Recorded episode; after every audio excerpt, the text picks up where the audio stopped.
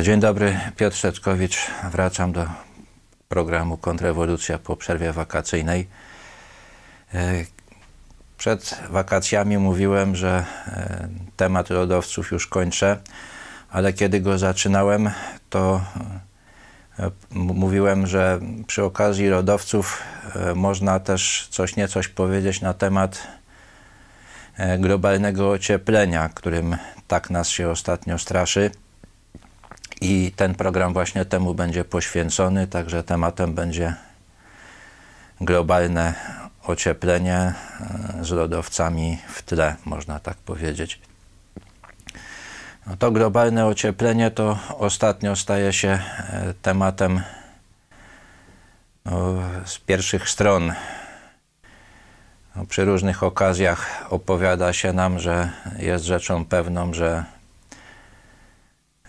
to ocieplenie, które w tej chwili mamy, to jest coś niespotykanego w historii i że to się dla nas bardzo źle skończy. No, pada taka data graniczna, rok 2030, od którego mają zacząć się dziać straszne rzeczy. Klimat ma się tak ocieplić, że e, najpierw zaczną, jak to nam opowiadają, ginąć zwierzęta, a potem ludzie. No i e, czy to prawda? My na ten temat już opracowaliśmy ulotkę, także jest na naszym kanale wykład doktora Mariana Gorola na ten temat, ale postanowiłem jeszcze e, też dorzucić do tego swoje trzy grosze. No i zacząć by wypadało od tego, e, co to jest tak zwany efekt cieplarniany. I poproszę pierwszy slajd. No tutaj widać e, w jaki sposób e, dopływa i, i odpływa e, z Ziemi energia słoneczna. Ta energia dopływająca jest zaznaczona kolorem żółtym, odpływająca kolorem czerwonym, a bierze się to stąd, że, że dopływa ta energia jako promieniowanie widzialne, no my je widzimy e, najczęściej jako żółte, chociaż ono jest e, białe, ale to już atmosfera w taki sposób oddziaływuje. Natomiast kiedy już e, to promieniowanie słoneczne ogrzeje powierzchnię Ziemi, to, to ta energia jest oddawana w postaci promieniowania podczerwonego, które tutaj jest zaznaczone kolorem czerwonym. To jest taka prawidłowość, e, że każda materia wysyła promieniowanie i ono jest zależne od temperatury, w jakiej się znajduje. Także jeżeli na przykład będziemy stali przed jakimś przedmiotem metalowym, który ma powiedzmy 200 stopni czy 300, no to nawet w dosyć dużej odległości od niego będziemy czuli to promieniowanie, chociaż nie będziemy go widzieć.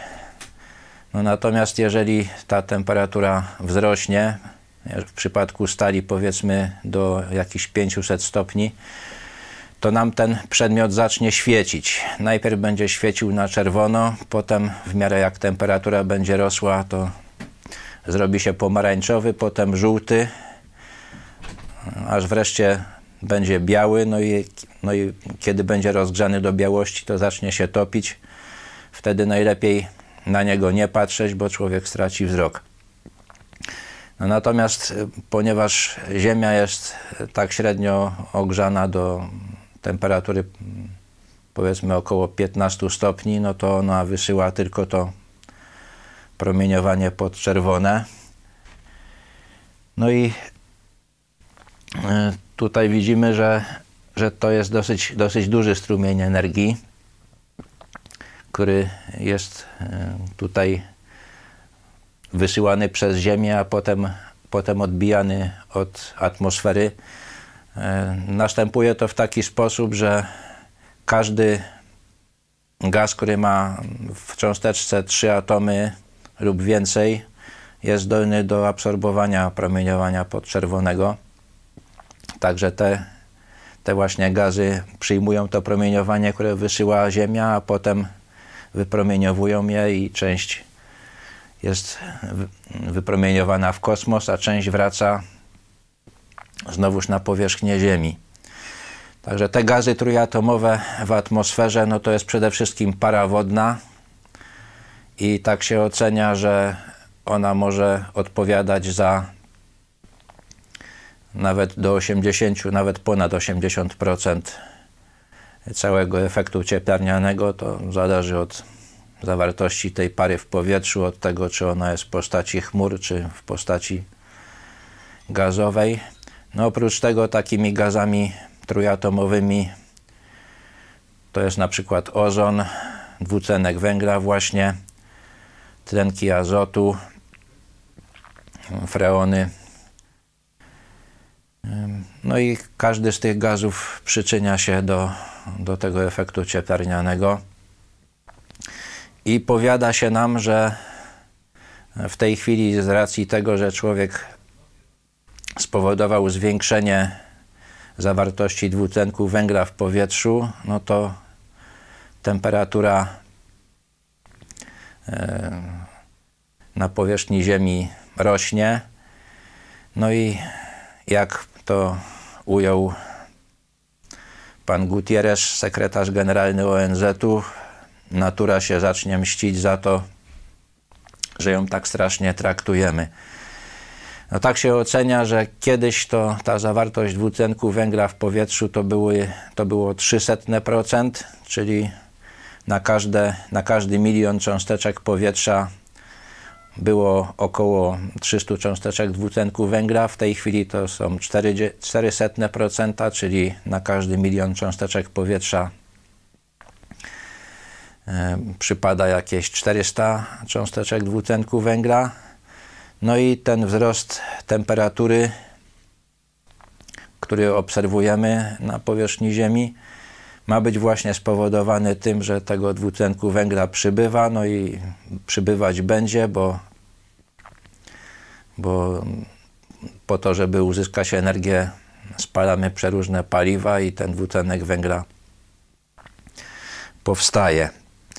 No tak, jeszcze trzeba powiedzieć, że ten efekt cieplarniany to jest dla nas bardzo korzystny, ponieważ gdyby go nie było, no to średnia temperatura na Ziemi spadłaby o ponad 30 stopni. Także w tej chwili ta średnia temperatura e, to jest mniej więcej plus 14-15 stopni. Gdyby nie było gazów cieplarnianych, spadłaby temperatura średnia do tak minus 19, minus 20 stopni. No i nie byłoby życia. No, ale obrońcy środowiska twierdzą, że co za dużo to niezdrowo. No i że tego dwutlenku węgla emitujemy już za dużo. I poproszę kolejny slajd. Tutaj będzie widać, co tam nam oni e, prezentują. Tutaj są różne, różne wykresy, różne linie i one dlatego są różne, że różne instytucje, różni uczeni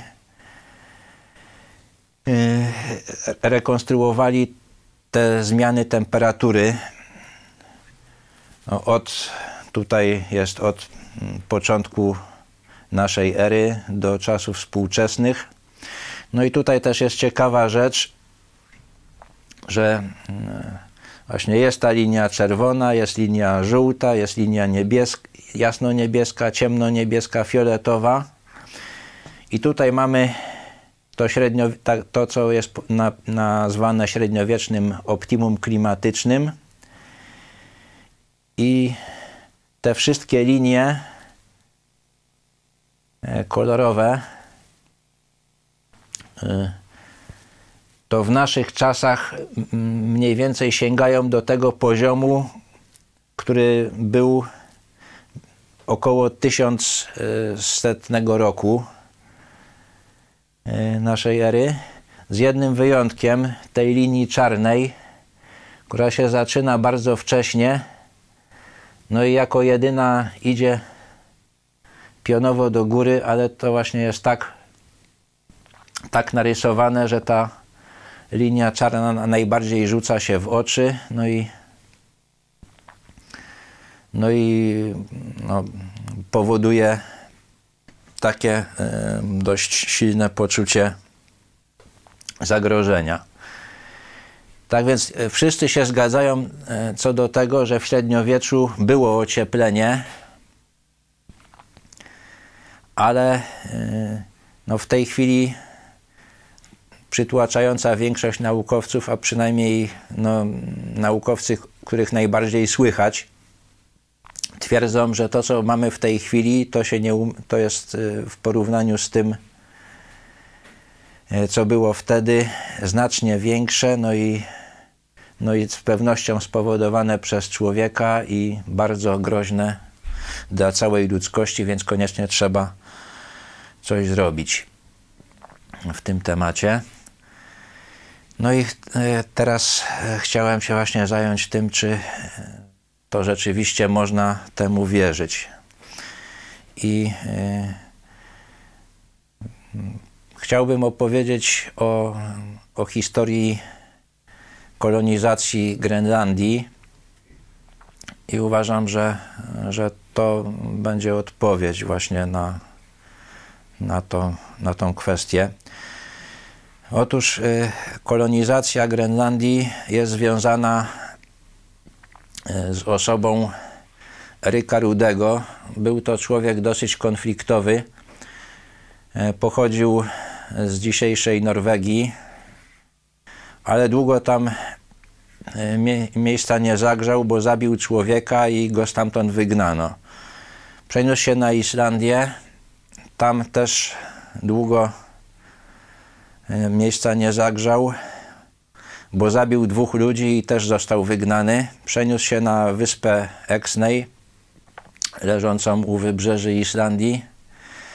Tam też się skonfliktował z kimś, co się skończyło w taki sposób, no, że zabił kilkoro ludzi i też został wygnany. Został wygnany na trzy lata.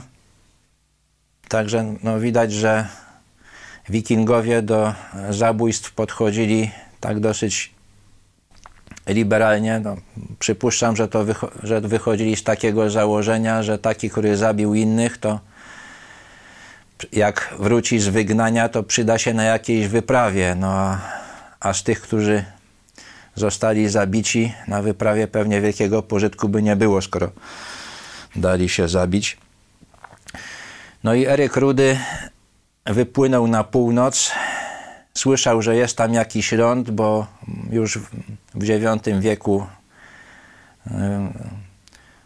był jakiś wiking, który tam dopłynął i opowiedział o, o tym. No i dopłynął do Grenlandii Miał 3 lata na to, żeby e, ten teren zbadać i właśnie w tym celu go wykorzystał. No i kiedy powrócił na Islandię, ogłosił, że jest to dobre miejsce do tego, żeby się tam osiedlić. Nazwał ten ląd Zielonym Krajem, czyli Grenland, no stąd ta nazwa. A ponieważ na Islandii w tym czasie było przeludnienie i głód, to dość sporo ludzi e, poszło za Rykiem Rudym. Także ci, którzy chcieli się osiedlić na tej zielonej ziemi, to e, zajęli 25 statków, no i wypłynęli. Z tych 25 statków 14 dopłynęło do celu. No i osiedlili się tam. Był to rok 985, czyli właśnie no, już w okolicach tego, mm, zależnie, zależnie od, od tutaj, którą linię weźmiemy, no to, no to jednak y, zazwyczaj uczeni są zgodni, że tutaj już miało miejsce E, pewne ocieplenie. No i y, założył tam dwa osiedla. Y, I poproszę kolejny slajd. Były to dwa osiedla. Y, pierwsze z nich większe nazywano osiedlem wschodnim. Ono znajdowało się, tak można powiedzieć, na tym południowym koniuszku Grenlandii. No i tutaj jest taka mapa bardziej szczegółowa gdzie są zaznaczone pozostałości po tych, y, po tych ludziach, którzy założyli to osiedle. Tutaj widać, że są takie przysiłki brata Hit, jakby Gardar Chwalsej. No i y, to, było, to było większe osiedle. Ono się rozrosło z czasem do około, niektórzy mówią, że, że to było w najlepszym okresie 4000 mieszkańców, niektórzy twierdzą, że nawet 6. No i zobaczmy, co z tego pozostało do dzisiaj. Proszę kolejny slajd. No tutaj e, widzimy i w jaki sposób, no po pierwsze, no to widzimy, że rzeczywiście nie cała Grenlandia jest, pod, jest pod lodem i bywa zielona. Także no tutaj akurat e, te zdjęcia robiono no, prawdopodobnie latem. No i widać pozostałości e, tego, e, tego osiedla. Widać, że wikingowie budowali z kamienia, oni to okładali potem darnią, ocieplali w ten sposób, bo drzewa było tam mało. I to jest fragment e, katedry, która e, tam została zbudowana, bo pod koniec X wieku wikingowie przyjęli katolicyzm. Król Olaf Tryggvason sprowadził misjonarzy, no i zaczęto budować świątynię. I e, w roku 1123 naznaczono dla Grenlandii biskupa. Papież naznaczył biskupa, no i zbudowano mu katedrę. To jest fragment tej katedry. Ona była dosyć spora, miała 27 metrów długości, 16 metrów szerokości. No i poproszę kolejny slajd. No tutaj widać ten e, przysiłek brata hit. Brata to znaczy strome zbocze, prawdopodobnie chodzi o to zbocze. No a te, e, te ruiny to być może są pozostałości domu właśnie Erika Rudego, który e, przyjął tytuł najwyższego wodza Grenlandii no i zarządzał tym, tym całym osiedlem. No, także no też widać, że, że mm, tutaj rośnie trawa, ale zwracam uwagę na to, że, że, w, tej, że w, w naszych czasach to yy, nie da się niczego uprawiać na, na Grenlandii Także no nie widać, żeby tutaj, tutaj jakiś upraw. E, no, mieszkańcy uprawiają niewielkie ilości warzyw, ale tylko pod folią. No, niedawno podjęto próby e, siania jęczmienia. Nie wiem, jak one, jak się one udały. No, natomiast w tych czasach to dało się na Grenlandii e, wyżyć z rolnictwa i e, między innymi odkryto e, no, na, tych, na tych terenach, gdzie osiedlili się ci ludzie, którzy przybyli z Islandii pod przywództwem Eryka Rudego, pozostałości dwóch obór, które mogły pomieścić po 100 sztuk bydła każda.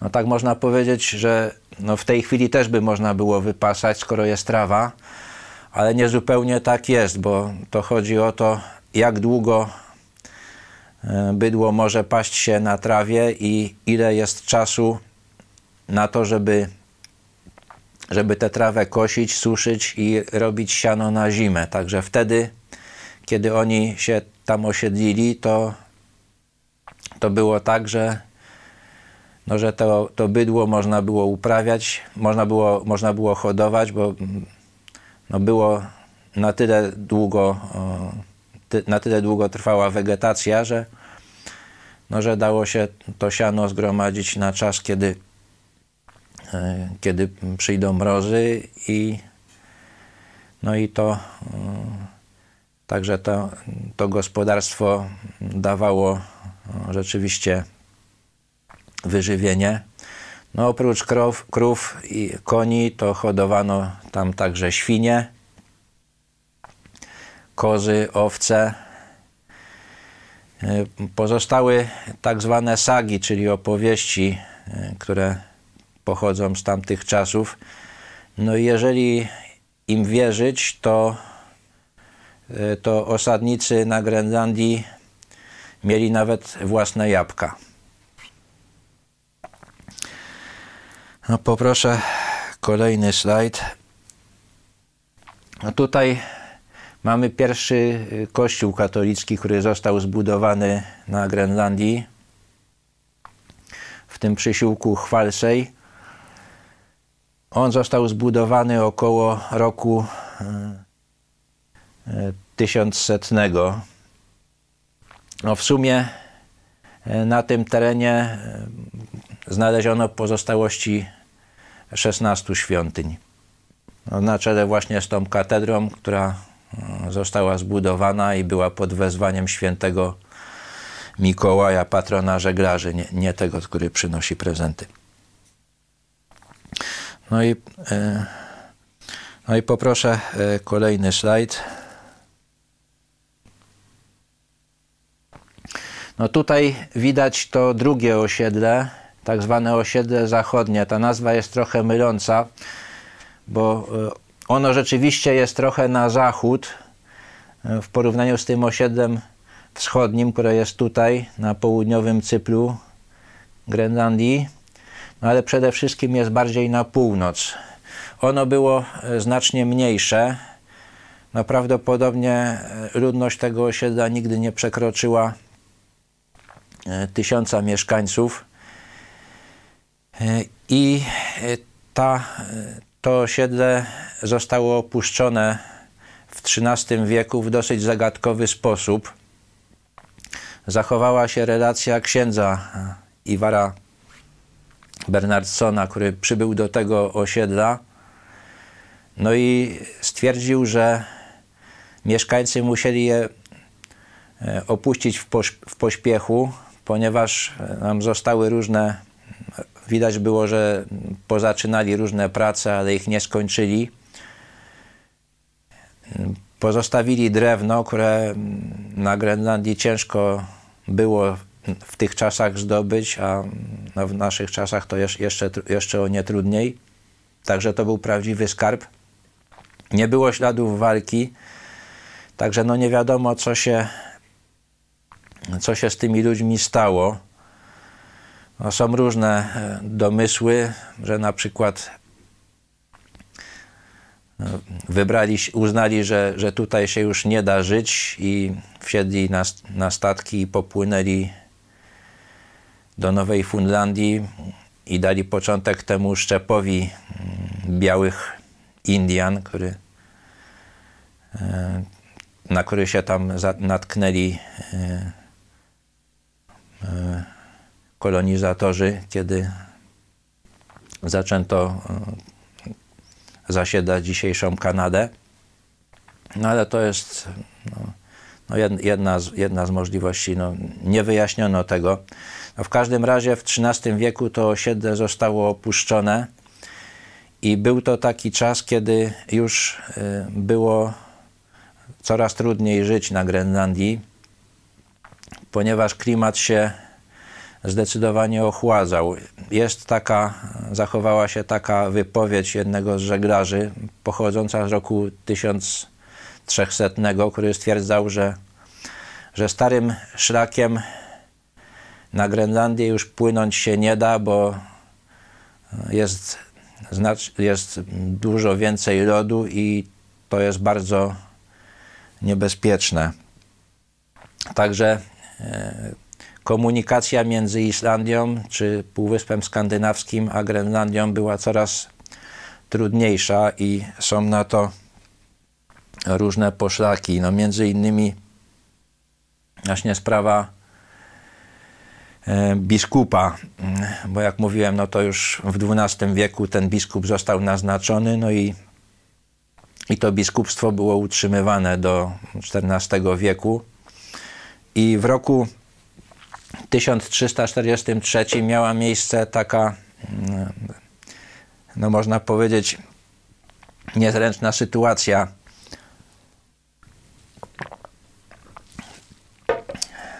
Że papież nie wiedział, czy ten poprzedni biskup to jeszcze żyje, czy nie żyje. No i na wszelki wypadek naznaczył kolejnego. No i zdarzyła się okazja, że e, właśnie warunki były na tyle sprzyjające, lodu było na tyle mało, że dało się przepłynąć. No i ten następca przybył na miejsce, ale okazało się, że ten biskup, którego podejrzewano o to, że umarł, to w dalszym ciągu żyje. Więc ten nominowany zrzekł się swojej godności, no i wrócił tam, skąd przybył.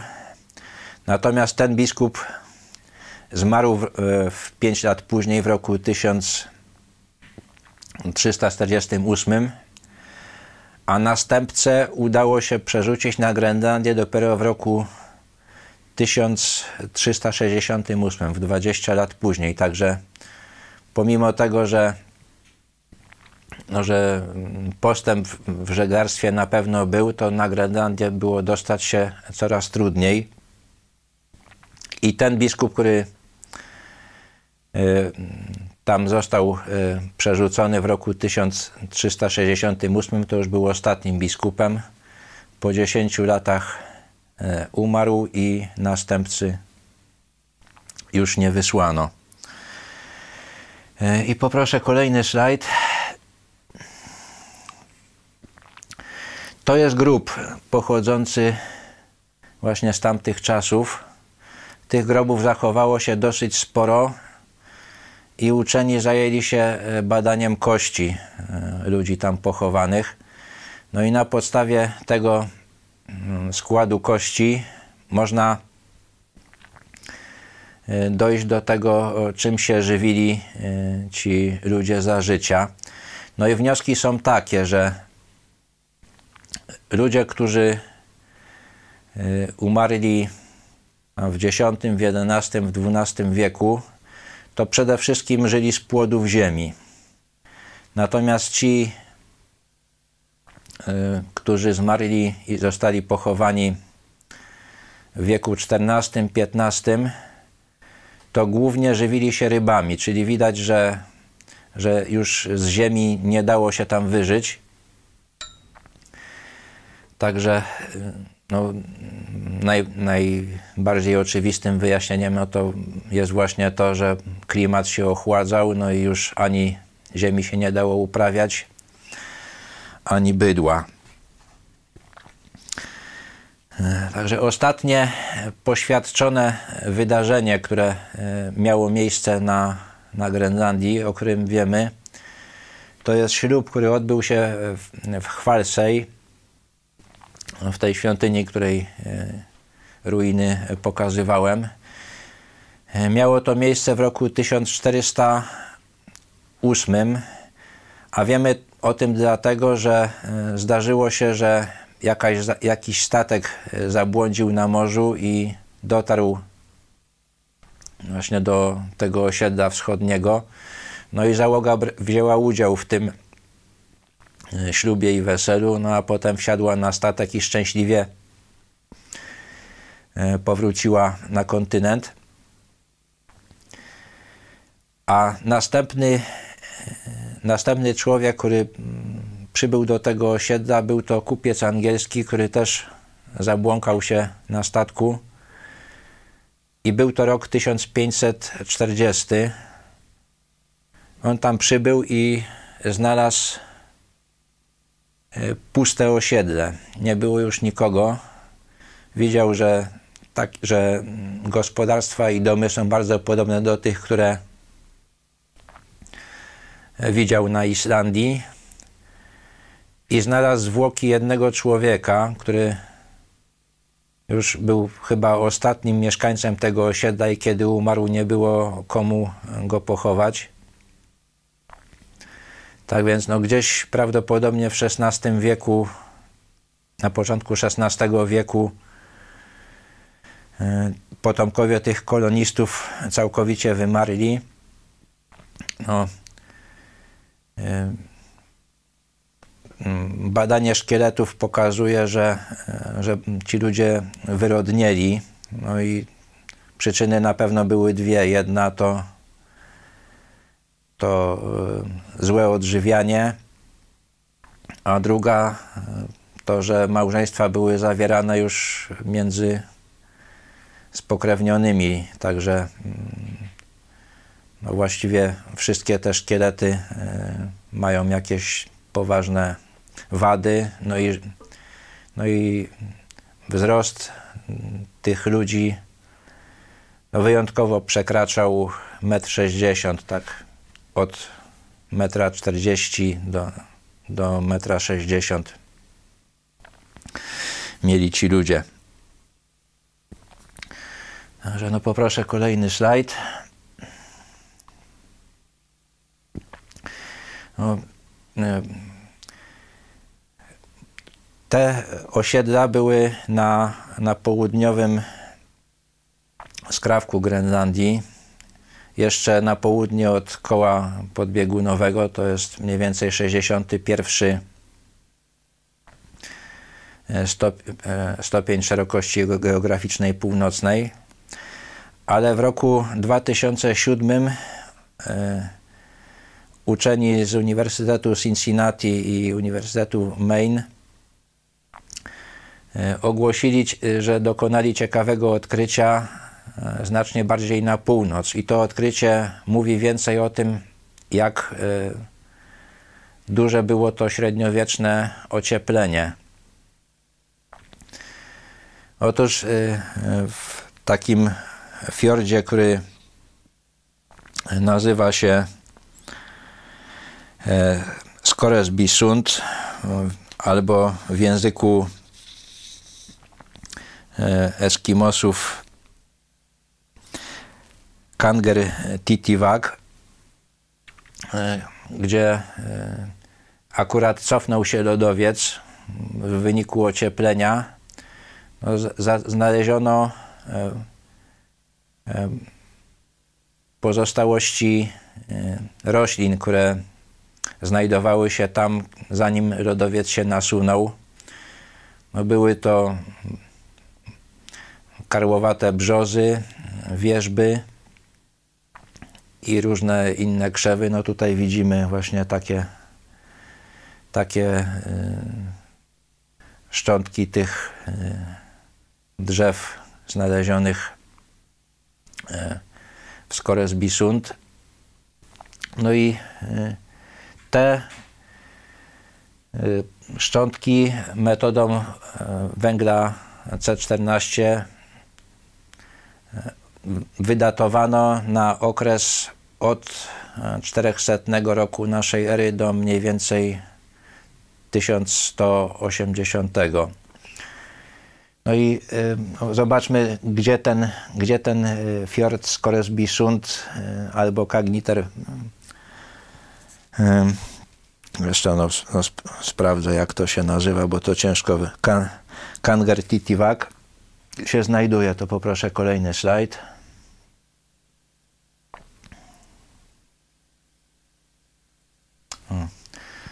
Także te osiedla, które założył Eryk Rudy, były tutaj. A ten fiord znajduje się tutaj. To już jest daleko poza kołem e, podbiegunowym, to jest 70 stopni i 30 minut szerokości geograficznej północnej. To jest w ogóle ten, ten fiord, to jest najdłuższy fiord na świecie, ma 350 e, kilometrów długości. No jeszcze zobaczmy jak on wygląda. Tylko proszę kolejny slajd. No widać, że, że wokół e, niego znajdują się góry i to dosyć wysokie.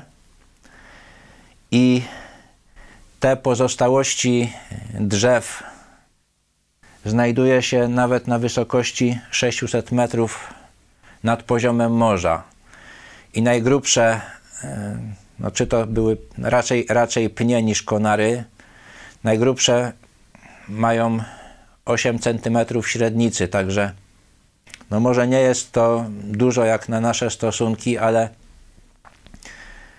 e, no, na pewno więcej niż w takiej kosodrzewinie, którą można spotkać e, na przykład wysoko w Tatrach obecnie. Także no, te warunki musiały być na tyle sprzyjające, że pomimo nocy polarnej i pomimo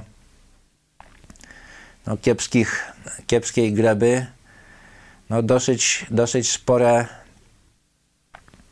e, drzewa mogły tam wyrosnąć. Także no z pewnością w naszych czasach, pomimo tego postępującego globalnego ocieplenia, w tym fiordzie póki co żadne drzewo nie wyrośnie. No i to myślę, że świadczy o tym, że to, czym nas straszą, to globalne ocieplenie, to jednak jest y, sprawa dosyć podejrzana, ponieważ to ocieplenie średniowieczne no, musiało być znacznie większe niż, niż to, z którym mamy do czynienia obecnie. No i poproszę kolejny slajd. No tutaj widać ten wykres, który znajduje się na naszej ulotce opracowany przez Cliffa Harrisa, Harrisa i Randy'ego Mana. No i tutaj widzimy właśnie ten, jak, jak to przebiegała e, zmiana temperatury na Ziemi właśnie w tym okresie, kiedy, kiedy Eryk Rudy rozpoczął kolonizację Grenlandii i no i kiedy, no i, mm, kiedy ta, ta, te kolonie się rozwijały. No, wspominałem, że około e, 1300 roku jakiś żeglarz stwierdził, że, że e, płynąć na Grenlandię już jest niebezpiecznie i rzeczywiście około 1300 roku na tym wykresie widać taki mocny spadek temperatury. To się skokowo zmieniło i ten człowiek to zauważył. No i maksimum tutaj jest wyżej niż to, co mamy, niż, niż to, co mamy y, w tej chwili. I być może to jest jeszcze i tak za mało, skoro no właśnie w tym fiordzie Kangertitivek rosły y, wtedy drzewa.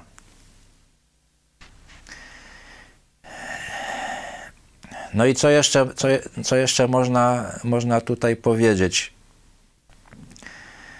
No na pewno to ocieplenie średniowieczne nie mogło być spowodowane emisją dwutlenku węgla, bo wtedy przemysłu nie było. No ludzie tam, no tyle spalali mm, prze, przeważnie drzewa, żeby się ogrzać. Było ich znacznie mniej niż obecnie. No, to, ta populacja, która była wtedy, to jest to, o czym wielu dzisiejszych ekologów marzy, żeby obniżyć właśnie e, ilość ludzi na Ziemi do tego mniej więcej poziomu. Było kilkaset milionów ludzi na świecie. No i pomimo tego, że, właśnie, że nie było tej emisji dwutlenku węgla, no to można uznać za, za rzecz pewną, no nie tylko na Grenlandii znajdowane są takie e, ślady, e, że było kiedyś w Arktyce znacznie cieplej, ale, ale te są takie najbardziej oczywiste i na, i na, i na tych się koncentruję. E, no i, no i tutaj jest jeszcze jedna, jedna ciekawa rzecz, że pomimo tego, że to ocieplenie było, było bardzo duże, no to nie doszło ani do wymierania zwierząt, ani do żadnych e, katastrof klimatycznych. No ludzkość też przetrwała, także, także to świadczy o tym, że, że straszy się nas czymś, co wcale takie straszne nie jest. No, ktoś może lubić zimę, na przykład ja, no ale mo można się bez tego śniegu obejść. No a poza tym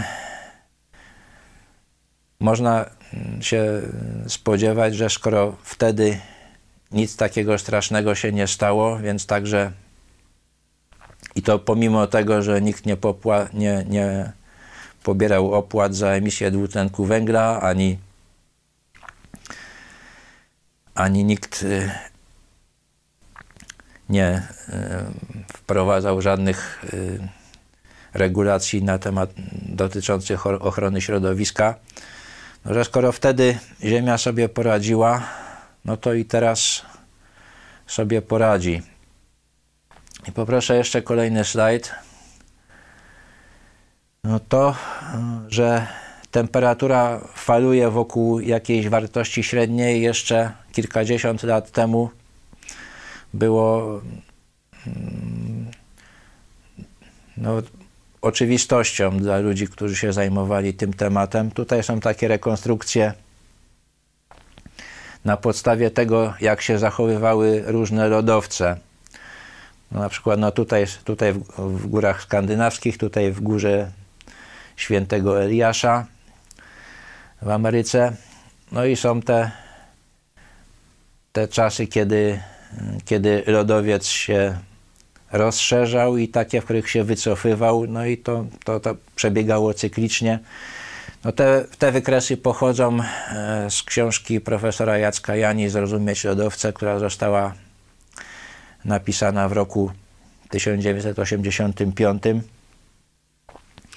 No pan profesor Jania uważa, że Ziemia ma miliardy lat, no i te wykresy są doprowadzone do jeśli dobrze widzę, 11 tysięcy lat mm, wstecz. No ale charakter jest dosyć podobny jak tego, jak tego naszego wykresu, który e, przedstawiałem.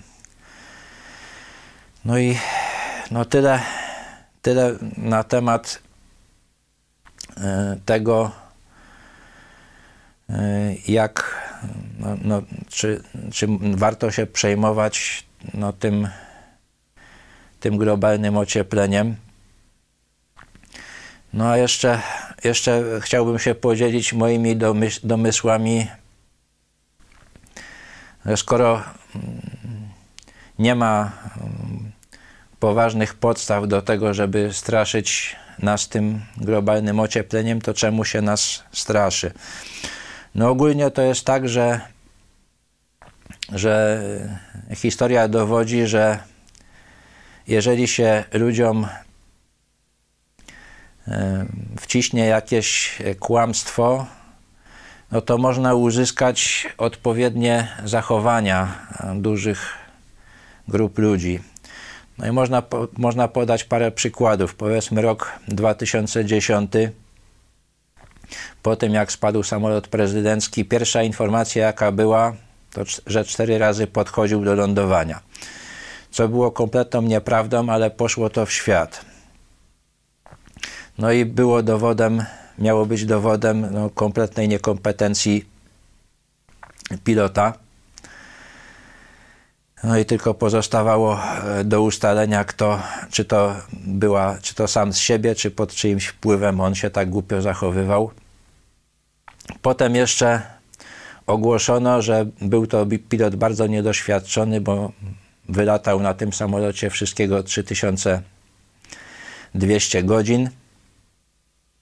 No i to było powtarzane powszechnie, no i wywołało taki skutek, że, no, że większość ludzi uznała, że to, to wszystko to jest, to jest wina naszego bałaganu. Nie domagajmy się,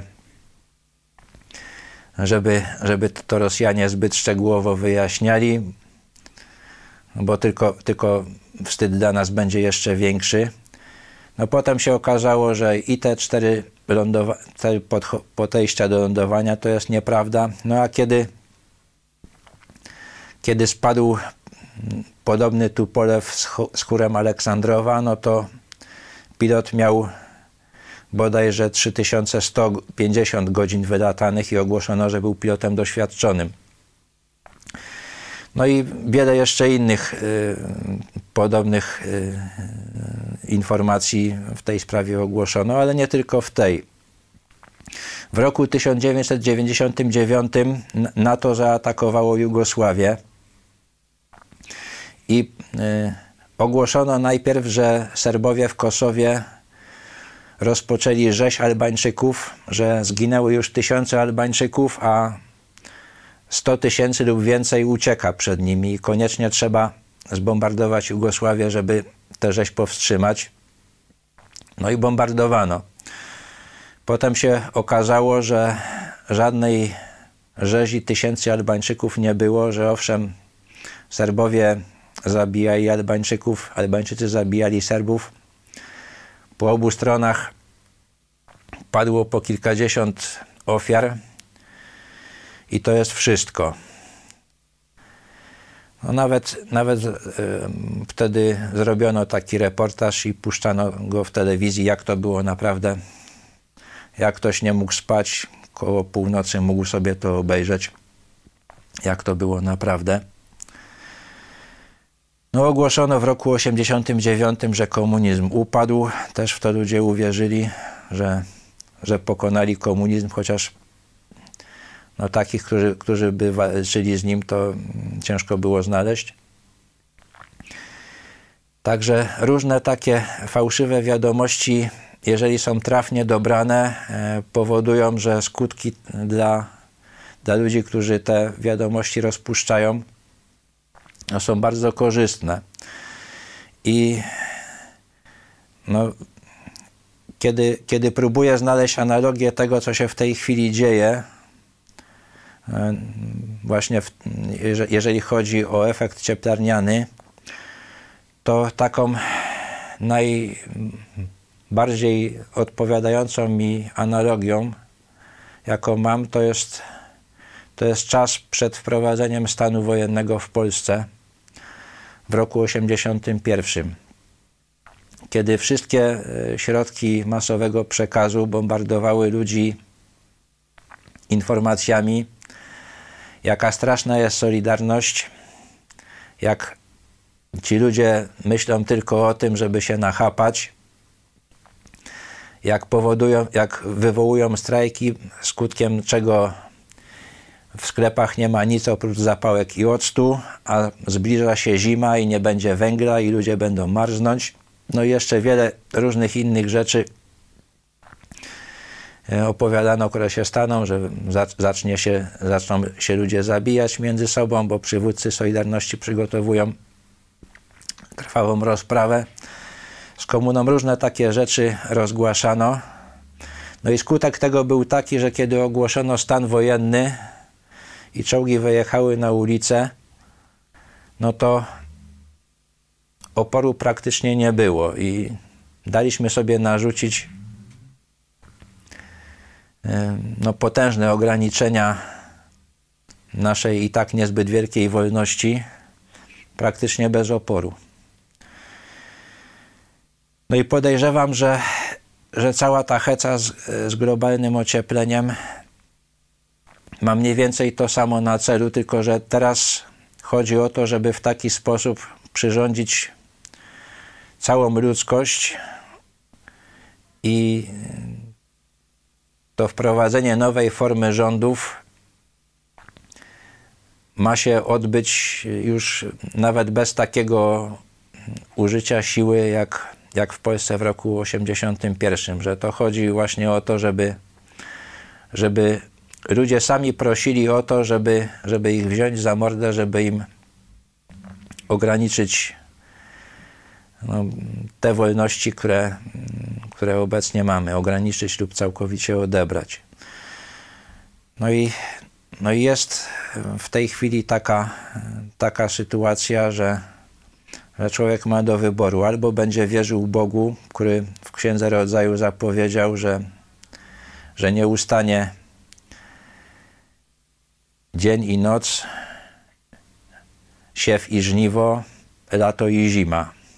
No albo, albo może wierzyć naukowcom, którzy twierdzą, że jednak zima ustanie i zacznie, zaczną się dziać straszne rzeczy, no i konieczne są nadzwyczajne środki, żeby temu zapobiec.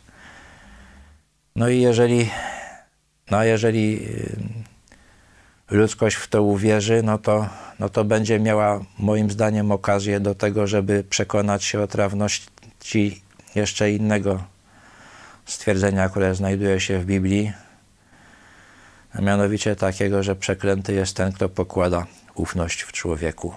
No i to tyle, co chciałem powiedzieć na ten temat. Dziękuję za uwagę.